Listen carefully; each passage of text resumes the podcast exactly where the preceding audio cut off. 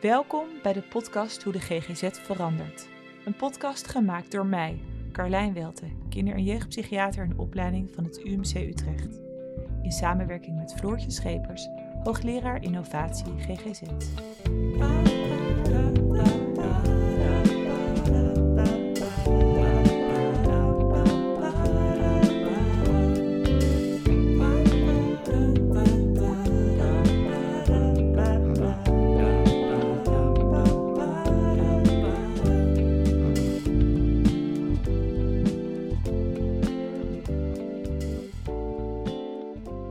In deze aflevering spreken we over stigma en waarom dit in de psychiatrie een thema van verandering is.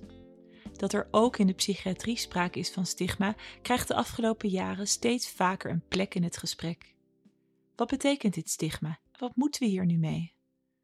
In Utrecht spreek ik hierover met Luca Koppen van de stichting Samen Sterk Zonder Stigma en met Anne, ervaringsdeskundige in de psychiatrie en als ambassadeur werkzaam voor deze stichting.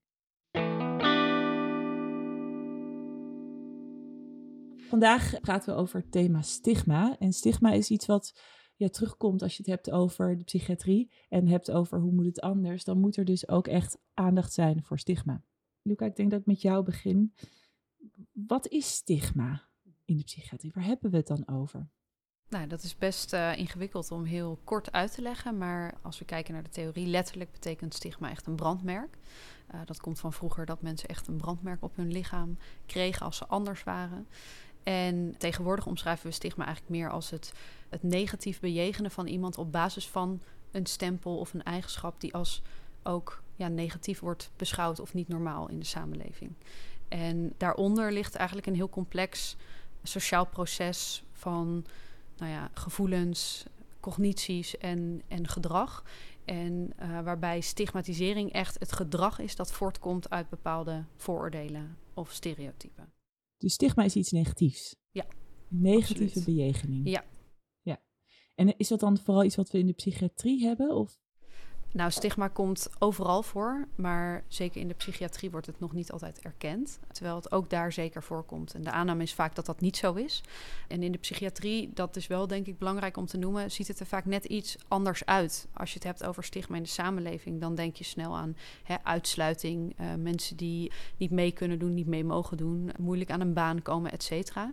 En in de psychiatrie zijn het net vaak wat ja, wat je zou kunnen zeggen, subtielere vormen van stigma, die vaak ook voortkomen uit goede bedoelingen. Dus wat we vaak zien is dat betutteling als heel erg stigmatiserend ervaren wordt. Wat vaak bij de hulpverlener heel erg komt vanuit een uh, zorgen voor uh, houding. Luca, want het is wel interessant. Dus het zijn go goede bedoelingen waar dan een negatieve bejegening uitkomt. Ja. Complex wel. Ja, het is heel complex, omdat dat maakt dus ook dat hè, in, in dit geval is het eigenlijk zo dat stigmatisering is bijna een, ervaring. Dus uh, dat betekent ook dat degene die ontvanger is, in dit geval, bepaalt of iets stigma is of niet. En het dus heel vaak zo kan zijn dat degene die het.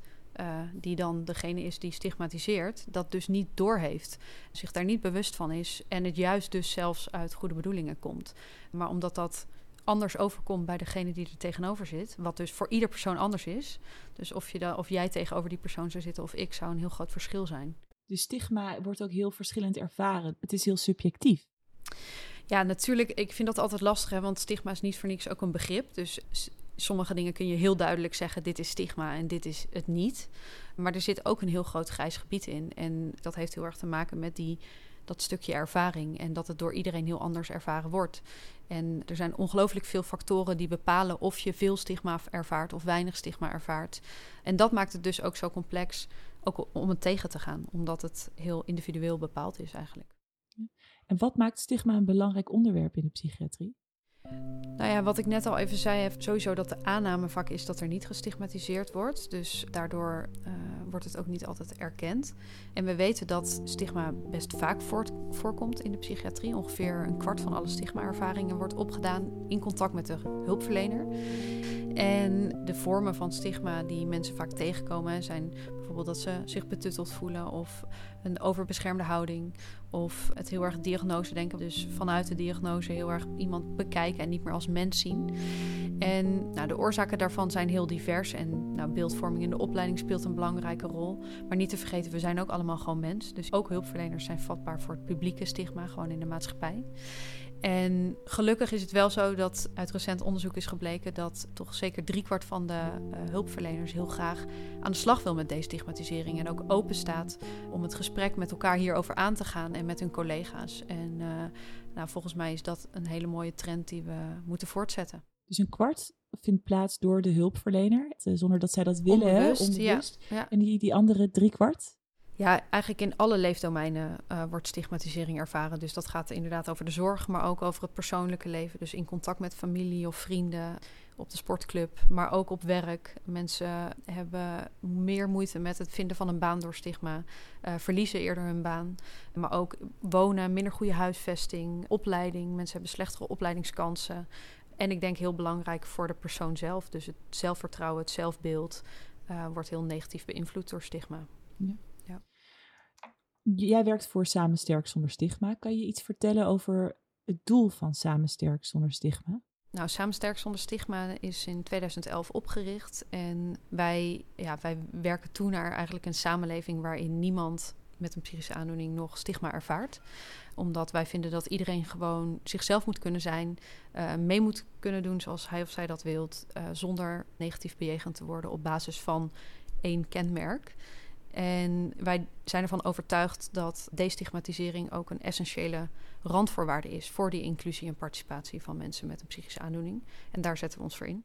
En hoe zetten jullie je daarvoor in? Um, nou, dat is ook best heel complex. Wij werken in verschillende domeinen, zoals we dat noemen. We hebben in eerste instantie domeinen geïdentificeerd waar stigma vaak voorkomt. Dus het komt een beetje overeen met wat ik uh, eerder ook noemde. Hè. Dus op de werkvloer, in de wijk, um, op school, in de GGZ en in de media.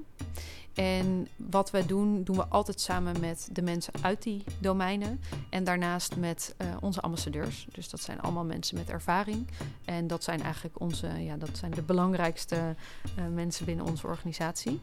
En binnen al die domeinen uh, werken we aan het, nou ja, het ontwikkelen en het verspreiden van kennis. Het maken van tools en instrumenten voor destigmatisering. Het geven van voorlichting, training ja, noem maar op. En daarin is het denk ik wel belangrijk om te noemen dat we ons, we doen ons werk dus eigenlijk voor de mensen uh, die te maken krijgen met, psychische aan, met een psychische aandoening. Maar we richten ons in ons werk ook heel sterk op de mensen die daar omheen staan. Juist omdat wij vinden dat je alleen een echte verandering teweeg kunt brengen als uh, iedereen meedoet. Hetzelfde als vrouwenemancipatie kan niet zonder uh, de mannen. En daarin geloven wij ook als het gaat om psychische aandoeningen. En vooral bij zoiets complex als stigma, lijkt me. Ja. Het is een soort van. Je moet iedereen eerst bewust maken van het feit dat er stigma is. Ja. En dan hoe ga je vervolgens zo'n culturele switch maken? Hè? Omdenken in stigma en destigmatiseren. Naast jou zit Anne. Jij bent een van die belangrijkste mensen van Samen Sterk Zonder ja. Stigma, een ambassadeur. Ja. Um, wat, hoe zou jij stigma beschrijven? Ja, dat is eigenlijk wel vergelijkbaar met wat Luca heeft gezegd hoor. Um, en het, het gaat mij vooral wel om dat iedereen vooroordelen heeft. Hè, dus dat het eigenlijk ook heel menselijk is. En dat het stigma wordt op het moment dat er onbewust of bewust, maar het is vaak onbewust, iets met die vooroordelen wordt gedaan en iets negatiefs. Dus dat zit dan in een houding uh, ten opzichte van iemand anders, maar ook vaak in het taalgebruik. Ja. Heb jij zelf stigma ervaren? Ja, ik heb zelf al uh, veel stigma-ervaringen in mijn, ja, mijn tijd als cliënt in de GGZ, zeker. Ja. Zou je daar wat over kunnen vertellen? Ik ben een tijd opgenomen geweest en in mijn eerste gesprek uh, met de psychiater die daar was, kreeg ik de diagnose borderline.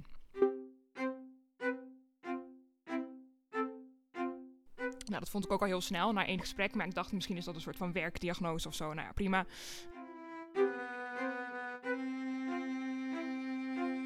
En je, moet je natuurlijk ook voorstellen, dat, ik was ook heel erg kwetsbaar in zo'n zo'n periode dat je bent opgenomen. Dus je denkt ook, ja, nou ja, het zal wel. Um, vervolgens ja, ben je dus een tijd in zo'n kliniek en werken natuurlijk allemaal verschillende verpleegkundigen, ook veel flexwerkers. Dus die, die, kennen jou persoonlijk niet zo heel erg goed, maar die hebben wel jouw dossier. En uh, in dat dossier staat dus borderline. En ik merkte dat eigenlijk al mijn gedrag en al mijn nou, alles wat ik zei of wat ik deed, dat het met een soort van borderline bril op werd bekeken. Dus op het moment dat ik bijvoorbeeld kritisch was uh, op nou ja, de therapie die mij werd geboden, en ik ben nu eenmaal gewoon een erg kritisch persoon, um, werd dat gezien als een, uh, een onderdeel van mijn borderline, een onderdeel van mijn stoornis. Dus hè, kreeg ik te horen van ja, je bent nu aan het manipuleren of je bent splittend. Allemaal dingen die ik nog nooit had gehoord en waarvan ik ook dacht, wat is dit? Ja, zo, zo werd er naar mij gekeken. Dat gevoel kreeg ik heel erg. En ik kon daar ook niet over in gesprek. Dat, dat, dat vond ik dan ook heel erg lastig. En, en daardoor raakte ik eigenlijk ook een beetje gewoon mezelf kwijt. Van hé, wat is nou gewoon Anne, wat, wat, hè, wat is mijn, mijn onderdeel van het mens zijn en wat is mijn stoornis? En dat is zeker bij persoonlijkheidsproblematiek vond ik dat echt heel erg lastig. Dus er werd met een negatieve bril, met het stigma eigenlijk gekeken naar alles wat je deed. Ja, ja.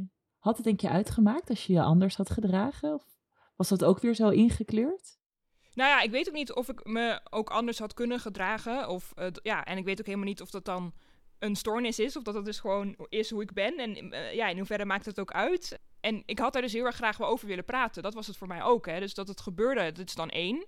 Maar dat ik dan daarna ook niet echt dat gesprek erover kon aangaan. Van joh, hè, splittend, manipulatief, waarom? Uh, wat gebeurt er nu? En ik heb het gevoel dat ik, nou ja, hè, dat ik word gezien met die borderline bril op. En wat betekent die diagnose nou eigenlijk? Ja, daar, die, die gesprekken waren eigenlijk niet mogelijk. En dat vond ik dan misschien nog wel het meest stigmatiserend. Ja. Dat het, niet eens, dat het je werd ontnomen eigenlijk om een goed gesprek te voeren over wat er gebeurde. Ja, dat er gewoon geen transparantie was. En dat ik dus niet helemaal volledig als mens werd gezien. Dat miste ik dus eigenlijk. Het klinkt ook een beetje alsof ze vooral het negatieve stuk van jou zagen, terwijl kritisch zijn ook een hele mooie eigenschap is. Ja. En, en dat is denk ik ook wel een beetje een probleem met stigma in de GGZ. Is, hè, je ziet als uh, hulpverlener, zie je je patiënt of je cliënt, hoe je het wil noemen, uh, zie je ook op de, de slechtste momenten. Hè. Die zie je vaak in crisis of wanneer het slecht gaat. Dus je ziet ook vaak alleen maar die negatieve uh, ja, karaktereigenschappen of die negatieve gedraging of die moeilijke, lastige gedragingen. En ja, dan ga je wel voorbij aan iemand is nog veel meer dan dat. en daar moet het volgens mij veel meer over gaan. Ja.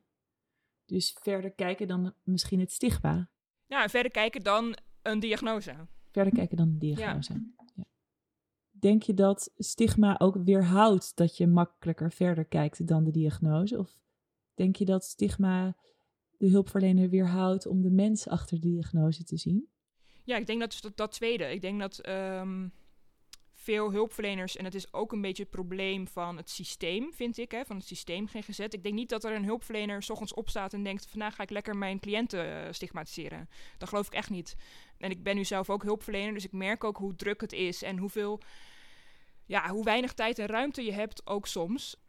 En ik denk dus wel dat, dat er nog te weinig bewust uh, is van: oh ja, hoe sta ik nou ten opzichte van, deze, van zo'n persoon? Hè? En, en uh, ja, even snel een, een, dossier doorkijken en dan zie je een diagnose en dan ga je misschien op basis van die diagnose ga je het gesprek aan. En dan ga je dus voorbij aan, uh, maar wat, is, wat wil deze persoon eigenlijk? Wat is het voor iemand en wat kan ik hem of haar bieden? Ja, mooi uitgelegd. Je hebt dus dat stigma ervaren in de GGZ. Ik schat een beetje in, meermaals heb je ja. dat stigma ervaren. Ja. Wat betekende dat voor jou om, om dat stigma te voelen? Um, ik denk dat ik vooral. Ik raakte mezelf heel erg kwijt. Hè, wat ik dus net al uitlegde. Ik was. Ik dat werd zo gehamerd op dat mijn gedrag niet oké was. En dat dat hoorde bij een stoornis. Dat ik dacht: oké, maar. Uh, moet ik veranderen? Moet ik anders worden? Ben ik dan niet als mezelf oké? Of moet ik ergens naartoe? En ik merkte dat ook in behandeling, dat het heel erg ging over symptoombestrijding. Ik dacht, oh, ik moet beter worden, ik moet anders, ik ben niet goed. En dat werd heel erg zelfstigma ook. Alles wat ik deed, ging ik ook zelf heel erg bekijken van, oh, dat is niet oké. Okay. Ja, en daardoor ging ik echt enorm aan mezelf twijfelen. Dus ja, mijn zelfbeeld ging ook echt enorm achteruit. Maar ook dat ik dacht, in, in de maatschappij, ja, hoe, hoe kan ik me dan nog... Ja, wat moet ik doen? En eh, alles werd heel onzeker. Dat stigma heb je ervaren als, alsof je niet goed genoeg was? Ja, ja, dat er iets niet. Ja, hè, ik kreeg ook een. Ik kreeg ook vaak te horen van dit is je stoornis. Ja, je stoornis, dat, dat, dan is er iets niet goed. Uh, en ook zeker in de behandelingen. Zo van, oh, maar je moet dit beter doen en je moet dat. En je moet meer mentaliseren en je moet meer zus en zo. En het ging eigenlijk niet over, maar hoe accepteer je nou eigenlijk jezelf. En er is blijkbaar een bepaalde norm of zo waar ik aan moet voldoen. En iemand heeft gezegd: dit is normaal gedrag en dit is abnormaal gedrag. En dat begreep ik niet. En daar wilde ik dan ook weer over in gesprek. En ook dat was dan weer niet. Ja, dat, dat ging ook niet, want dat was dan ook weer onderdeel van mijn stoornis. Je zat helemaal vast, ja. of niet? Ja. laat ik het anders zeggen, leidt stigma tot zelfstigma? Ik denk in, in heel veel gevallen wel. Ja. Wat is zelfstigma? Ja, zelfstigma is dat, dat je dan ook... Ja, je gaat jezelf dus stigmatiseren. Dus je gaat dat negatieve label ook op jezelf plakken. Dus in mijn geval was dat... Oké, ik heb borderline. En daar hoort bij dat je manipulatief bent. En dat je nou, een, een, een moeilijke... gewoon een moeilijk persoon. En eh, relaties, dat gaat nooit lukken. En dat, dat ging ik echt zo internaliseren... dat ik dat echt overtuigd was van... Oh ja, dat, ik, ik ben dus een moeilijk persoon. En het is echt niet meer te doen met mij. Ja, dus zo wordt dat label door het stigma een negatief label. Ja. En het lijkt me dan ook heel lastig, want als je dat maar vaak genoeg hoort, dan word jij bijna dat negatieve label. Ja. Hoe kan je dan nog positief en anders naar jezelf kijken? Ja, dat was echt een enorme worsteling. Ja. Het heeft ook wel echt een tijdje geduurd. Wanneer is dat besef gekomen van dit heet stigma? Of er gebeurt iets wat negatief is? Of hoe, hoe gaat zoiets? Ja, dat is een, een heel lang en ingewikkeld proces. En ik ben er nog steeds... Kijk, ik ben er nu heel erg veel bezig. Ook omdat ik dus nu al twee jaar ambassadeur ben van Samen Zonder Stigma. Maar soms denk ik nog steeds wel, oh, ligt het nou eigenlijk aan mij? Overdrijf ik dit? Ben ik me aan het aanstellen? Ben ik aandacht aan het trekken? Dat is ook iets wat, wat bij borderline hoort. Hè? Ben je nu aandacht aan het trekken? Dus ik vraag het me nog steeds zelf af. En tegelijkertijd denk ik, oké, nee, hè, ik moet hier bewust van zijn. Dit is het proces. Er is heel veel tegen me gezegd. En eh, dit is ook iets wat in de media heel erg leeft. Ik, ik ben wel continu, zeg maar, in gevecht in mijn hoofd. En ik, ik moet er nog steeds bewust van zijn. Van, oh, hé, hey, stop. Nee, niet doen. Je bent jezelf nu weer aan het, eh, naar beneden aan het halen met dit, dit, dit zelfstigma. Maar het heeft me heel erg geholpen om er meer over te lezen, om er meer over te schrijven, om er mee bezig te zijn. Maar het is, het, het is niet helemaal weg. Eh, Maar het is ook iets heel complex volgens Ja. mij. Ja. Ja. Stel je nou voor dat, je, dat we in een wereld hadden geleefd of leven waarin er geen stigma was. Jullie doel als Samen Sterk Zonder Stigma is eh, minimaliseren van stigma. Wat was er dan anders voor jou geweest, denk je? Ja, het, het moet geminimaliseerd worden, maar ik denk niet dat het helemaal verdwijnt. Ook omdat het hebben van vooroordelen iets heel menselijks is. Maar wat ik al eerder heb gezegd, dat gesprek erover aangaan, in transparantie en het bewustzijn vanuit de hulpverlener bijvoorbeeld, dat je dus kunt stigmatiseren en dat het dus ook gebeurt en dat het ook in de kleine dingen kan zitten, taalgebruik, houding. En dat het daar dan over mag gaan, ik denk dat dat heel veel oplevert. En dat dat ook heel veel doet voor het zelfvertrouwen van de cliënt. En dat dat gewoon heel erg veel doet ook voor de relatie tussen hulpverlener en cliënt. Uh, en dat het dan eigenlijk gewoon gaat over wat ik heel erg heb gemist uh, in mijn tijden als cliënt: een menselijke relatie. Want je bent gewoon nog steeds twee mensen. En dat heb ik zo enorm gemist, die gelijkwaardigheid. Ja. Dus wij als, als psychiaters, een opleiding als psychiaters, psychologen, iedereen die werkt in de GGZ, zouden wat jou betreft geholpen zijn bij besef van het feit dat we stigmatiseren en dat dat menselijk ook is. Maar door erover in gesprek te gaan met elkaar en met al onze cliënten of patiënten, kunnen we wel de negatieve effecten van stigmatisering verminderen. Ja. Ja, en ik denk dat het daar inderdaad over gaat. Durf jij als hulpverlener bij jezelf na te gaan van... hé, hey, stigmatiseer ik? Hoe doe ik dat dan? Um, durf jij bijvoorbeeld als je op maandag een gesprek hebt gehad met patiënt A... en die was heel erg agressief... en je denkt op donderdag... oh nee, dat heb ik straks weer met patiënt A. Oh. Durf je dan dat ook... Hè, dat is ook een hele menselijke gedachte en dat vind ik ook heel logisch... Maar durf je dan bij jezelf te kijken van... hé, hey, hoe ga ik dan nu eigenlijk dit gesprek in? En hoe ga ik dit nou bespreken met patiënt A? Luca, doen jullie veel onderzoek naar stigma bij Samen Sterk Zonder Stigma? Nou, wij doen uh, bij Samen Sterk Zonder Stigma zeker wel onderzoek. Dat is wel meer praktisch onderzoek. Dus uh, wij, wij hebben dus verschillende projecten of programma's op die, binnen die verschillende domeinen. En wij doen dan onderzoek om te kijken wat er nodig is. Of uh, bijvoorbeeld het domein jeugd en onderwijs is opgestart op, op basis van een onderzoek gedaan onder jongeren of kinderen in, op basisscholen en middelbare scholen. Van hè, hoe ervaren zij dat nou? Echt theoretisch onderzoek naar wat is stigma. Dat wordt uh, in Nederland ook gedaan, maar dan bijvoorbeeld bij het Trimbos Instituut is recentelijk een onderzoek gedaan naar stigma, echt specifiek in de GGZ. Het lijkt me wel lastig dat als iedereen stigma anders beleeft, hoe ga je die strijd aan tegen mm-hmm. stigma? Ja. Ja, dat is super complex. Het tegengaan van stigma is heel lastig. Maar ik denk dat Anne het wel heel goed net al verwoordde. Het begint denk ik bij een erkenning uh, van het probleem. Bijvoorbeeld, ik, ik spreek nu even vanuit de bril van de GGZ. Maar wij horen heel vaak mensen die zeggen: Oh, maar ik werk stigmaloos. Of ik heb geen last van stigma. En dat zien we gelukkig wel steeds meer in de GGZ veranderen. Maar dat zeker in het begin, toen we startten als Samen Sterk Zonder Stigma, was het echt nat dan om te praten ook over stigma in de GGZ.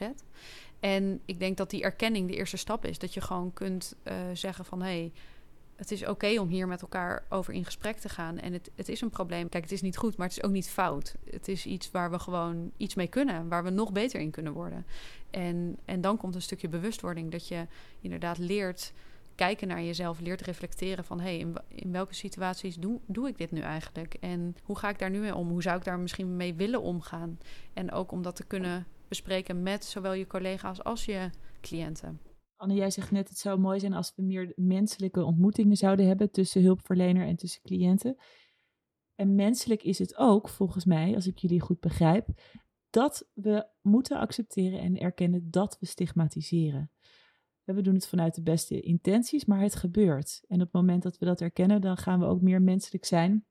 Uh, en gaat misschien ook het stigma er wel meer vanaf.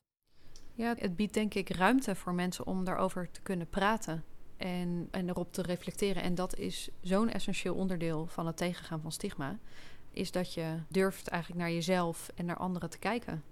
En durft toe te geven van oké, dit doe ik wel eens. En uh, ik wil er iets aan doen om het anders te laten zijn. Ja. Ja, dus ik denk dat dat stap één is. Hè? Dus dat, het, dat de bewustwording er komt en, en die acceptatie van, oh ja, stigmatisering gebeurt ook binnen de GGZ. Uh, en inderdaad, wat doe ik er dan mee? En dan is stap twee eigenlijk van, hoe ga ik dat dan verminderen? Uh, maar ik denk wel, hè, dus dat is dan echt zeg maar, puur over de hulpverleners. Hulpverlener in contact met de en hulpverleners onder elkaar. Maar ik denk ook nog wel dat er echt wel een stuk zit binnen het, echt het systeem van de GGZ.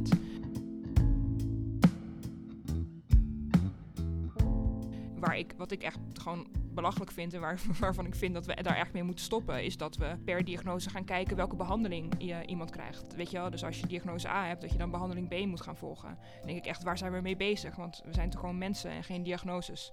Dus er zit ook wel iets in het systeem wat anders moet. Hebben we het dan nog over stigma of hebben we het over brede, brede visie, hoe we naar GGZ kijken en naar psychiatrie kijken? Nou, ik denk dat stigma dat overal in verweven zit. Uh, nou ja, om zeg maar weer even op, op mijn persoonlijke ervaring te betrekken. Ik had dus die diagnose gekregen en ik kreeg dan twee opties voor therapie, omdat dat past bij de diagnose. Ik zei, nou ja, ik wil graag iets anders doen, want ik had, het, ik had een beetje wat dingen opgezocht zelf. En in plaats van dat werd gezegd van, oh hé, hey, wat goed dat je dat hebt opgezocht en wat interessant en waarom zou je dat dan willen doen? En nou ja, uh, was het van, oh maar je bent te controlebehoeftig en uh, je hebt nu eenmaal borderline, dus je kunt, je kunt schematherapie gaan doen of MBT. Ja, ik begrijp wat je bedoelt. Stigma maakt dat je zo'n nauwe bril misschien krijgt, dat er ook heel veel opties wegvallen van opties van de mens bekijken achter de stoornis, maar ook behandelmogelijkheden. Ja, met een stukje eigen regie gaat natuurlijk ook weg. En, en dat, ja, dat is wel, vind ik wel stigmatiserend, omdat het dan ook weer om uh, ongelijkwaardigheid gaat. Hè. Ik als hulpverlener heb ervoor gestudeerd en ik weet wat goed is voor jou. In plaats van, hey, oh hey, ja, wat goed dat jij dit hebt onderzocht. En oh ja, jij bent inderdaad degene die het best weet wat goed voor jou is. Ja, mooi. En ik denk uh, daarop toevoegend dat als je het hebt over die structuren, dan zie je wel in de GGZ dat de structuur of ja, het systeem stigma in de hand kan werken op dit moment. Omdat het natuurlijk ook zo is dat die DSM gewoon heel erg leidend is in de financiering, et cetera. En daarnaast zijn er ook vormen, dat noemen we dan structureel stigma. Dat gaat echt over stigma verankerd in wet en regelgeving. En ook dat zien we wel terug in de GGZ. En ik vind zelf altijd een mooi voorbeeld, dat is dan niet in wet en regelgeving, maar meer in cultuur, dat de toiletten gescheiden zijn voor cliënten en uh, professionals. Dat noemen mensen vaak als, als iets wat ze stigmatiserend ervaren, want ze zijn allemaal mens. Dus waarom moet dat dan naast elkaar zitten, maar wel apart zijn? Dat is een voorbeeld. Ja, een mooi voorbeeld. Je vertelt net dat de manier waarop we de DSM gebruiken niet helpend is in het voorkomen of het reduceren van stigma.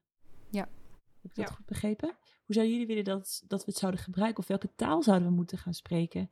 Of welke diagnostiek zouden we moeten gebruiken? Of hoe zien jullie dat voor je om het stigma te reduceren?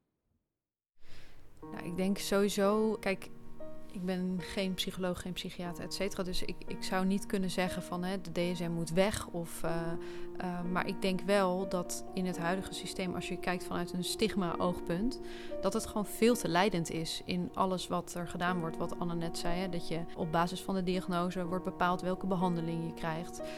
Uh, hoe je geleerd krijgt wat de diagnoses zijn en de dingen die daarbij horen, dat is automatisch eigenlijk het aanleren, denk ik, van stigma. Want je wordt eigenlijk gezegd, hè, dit zijn de kenmerken die bij iemand hoort die dat heeft. En daar moet je naar op zoek. Dus er wordt in de opleiding denk ik al een bril opgezet om eigenlijk een beetje stigmatiserend te kijken naar de mensen die je voor je krijgt. Want jij moet gaan afvinken welke van die eigenschappen ze hebben. Terwijl als je kijkt naar één diagnose, uh, bijvoorbeeld borderline, ik hoorde daar een keer een interessant uh, iets over dat daar zitten negen kenmerken volgens mij aan en je moet er dan vijf hebben om, om de diagnose te krijgen. Maar als je alle mogelijke combinaties uitrekent die er alleen al mogelijk zijn met die negen eigenschappen, dan zit je al boven de duizend. Um, daarbij komt nog eens dat ieder persoon heel anders is. Dus, en, en dit maar zo'n klein deel is van iemand. Dus je kunt niet zeggen dat iemand dat is. En dat moet echt anders. Dat moet niet meer leidend zijn. mooi, heel mooi. Hoe zou jij het voor je zien, Anne, als jij het mocht zeggen? Ja, ik heb dus wel heel erg gemist inderdaad dat er gewoon met mij werd gekeken naar waar heb jij last van en wat wil jij dan veranderen of hè, waar wil jij naartoe groeien. En ik heb heel erg het idee dat het nog te vaak andersom gebeurt. Dus oh ja, jij hebt een stoornis of jij, nou dat noemen we zo en dat gaan we oplossen of dat gaan we veranderen of hè, dat, zodat je daar minder last van hebt. Wat dus een goede bedoeling is, maar niet uit de cliënt zelf komt. En ik heb wel het idee dat we dan dat we dat al wel iets meer aan het veranderen zijn, gelukkig. En dat er ook veel meer maatwerk wordt geboden. Maar wat mij betreft kan die hele DSM gewoon weg. En uh, begint het dus bij uh, waarom komt de cliënt eigenlijk vandaag naar mij toe? Waar heb jij last van? Want ik merk ook in mijn werk dat veel cliënten ook zoekende zijn naar hoe ze het willen noemen. En als we dat systeem dus helemaal gewoon loslaten, zou, volgens mij is het zoveel fijner als iedereen gewoon zijn eigen verhaal kan vertellen. Zonder dat er allemaal, ja, depressief of andere, welke, welke naam dan ook aan wordt gegeven. Dat is zoveel vrijer. Dus eerst het verhaal vertellen, luisteren en daarna pas nadenken wat is er aan de hand en hoe kunnen we je helpen. In plaats van eerst bepalen wat er aan de hand is en met dat stigma of met die diagnose nadenken hoe kunnen we je helpen. Mooi. Heel mooi. Zijn er voor jullie nog belangrijke onderwerpen of belangrijke dingen die gezegd moeten worden als we het hebben over stigma, over jullie missie? We moeten in gesprek gaan met elkaar. De missie van Samen Sterk Zonder Stigma is reduceren van het stigma. Nou, ik denk wat, wat ik nog wel zou willen meegeven aan iedereen, want het is heel complex en het is super groots. En tegelijkertijd denk ik dat het zo mooi is om te onthouden dat je altijd iets kunt doen. Uh, vandaag al, als je dat wil. En ook binnen het huidige systeem, waarin die DSM misschien wel nog leidend is. Je kunt voor jezelf al gaan kijken naar hoe je het zelf doet. Je kunt hierover in gesprek gaan met je collega's en je cliënten. Wat al zo vaak een groot verschil maakt. Gewoon het gesprek alleen al aangaan. Daar hebben we een mooi voorbeeld van bij een instelling waar, waarin iemand zich realiseerde ineens door, een, door het over dit thema te hebben, dat er bij een cliënt zelf stigma speelde. En binnen drie maanden de hele begeleiding afgebouwd kon worden. Omdat dat dus zo lang die persoon in de weg had gezeten. En daar zijn geen grote dingen voor nodig. Dat is alleen maar het gesprek daarover willen en durven aangaan. En ik denk nou, dat dat wel iets is wat ik mee zou willen geven. Dat je altijd iets kunt doen, ook nu. Mooi.